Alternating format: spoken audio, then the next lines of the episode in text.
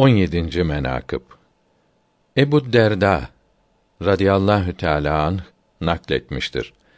Resulullah sallallahu teala aleyhi ve sellem hazretlerinin huzuru şeriflerine Ebu Bekr ve Ömer radıyallahu teala anhüma hazretleri geldiler. Hazreti Resulullah sallallahu teala aleyhi ve sellem buyurdular ki şükr ve hamd olsun Allahü Tebareke ve Teala Hazretlerine ki beni sizinle kuvvetlendirdi.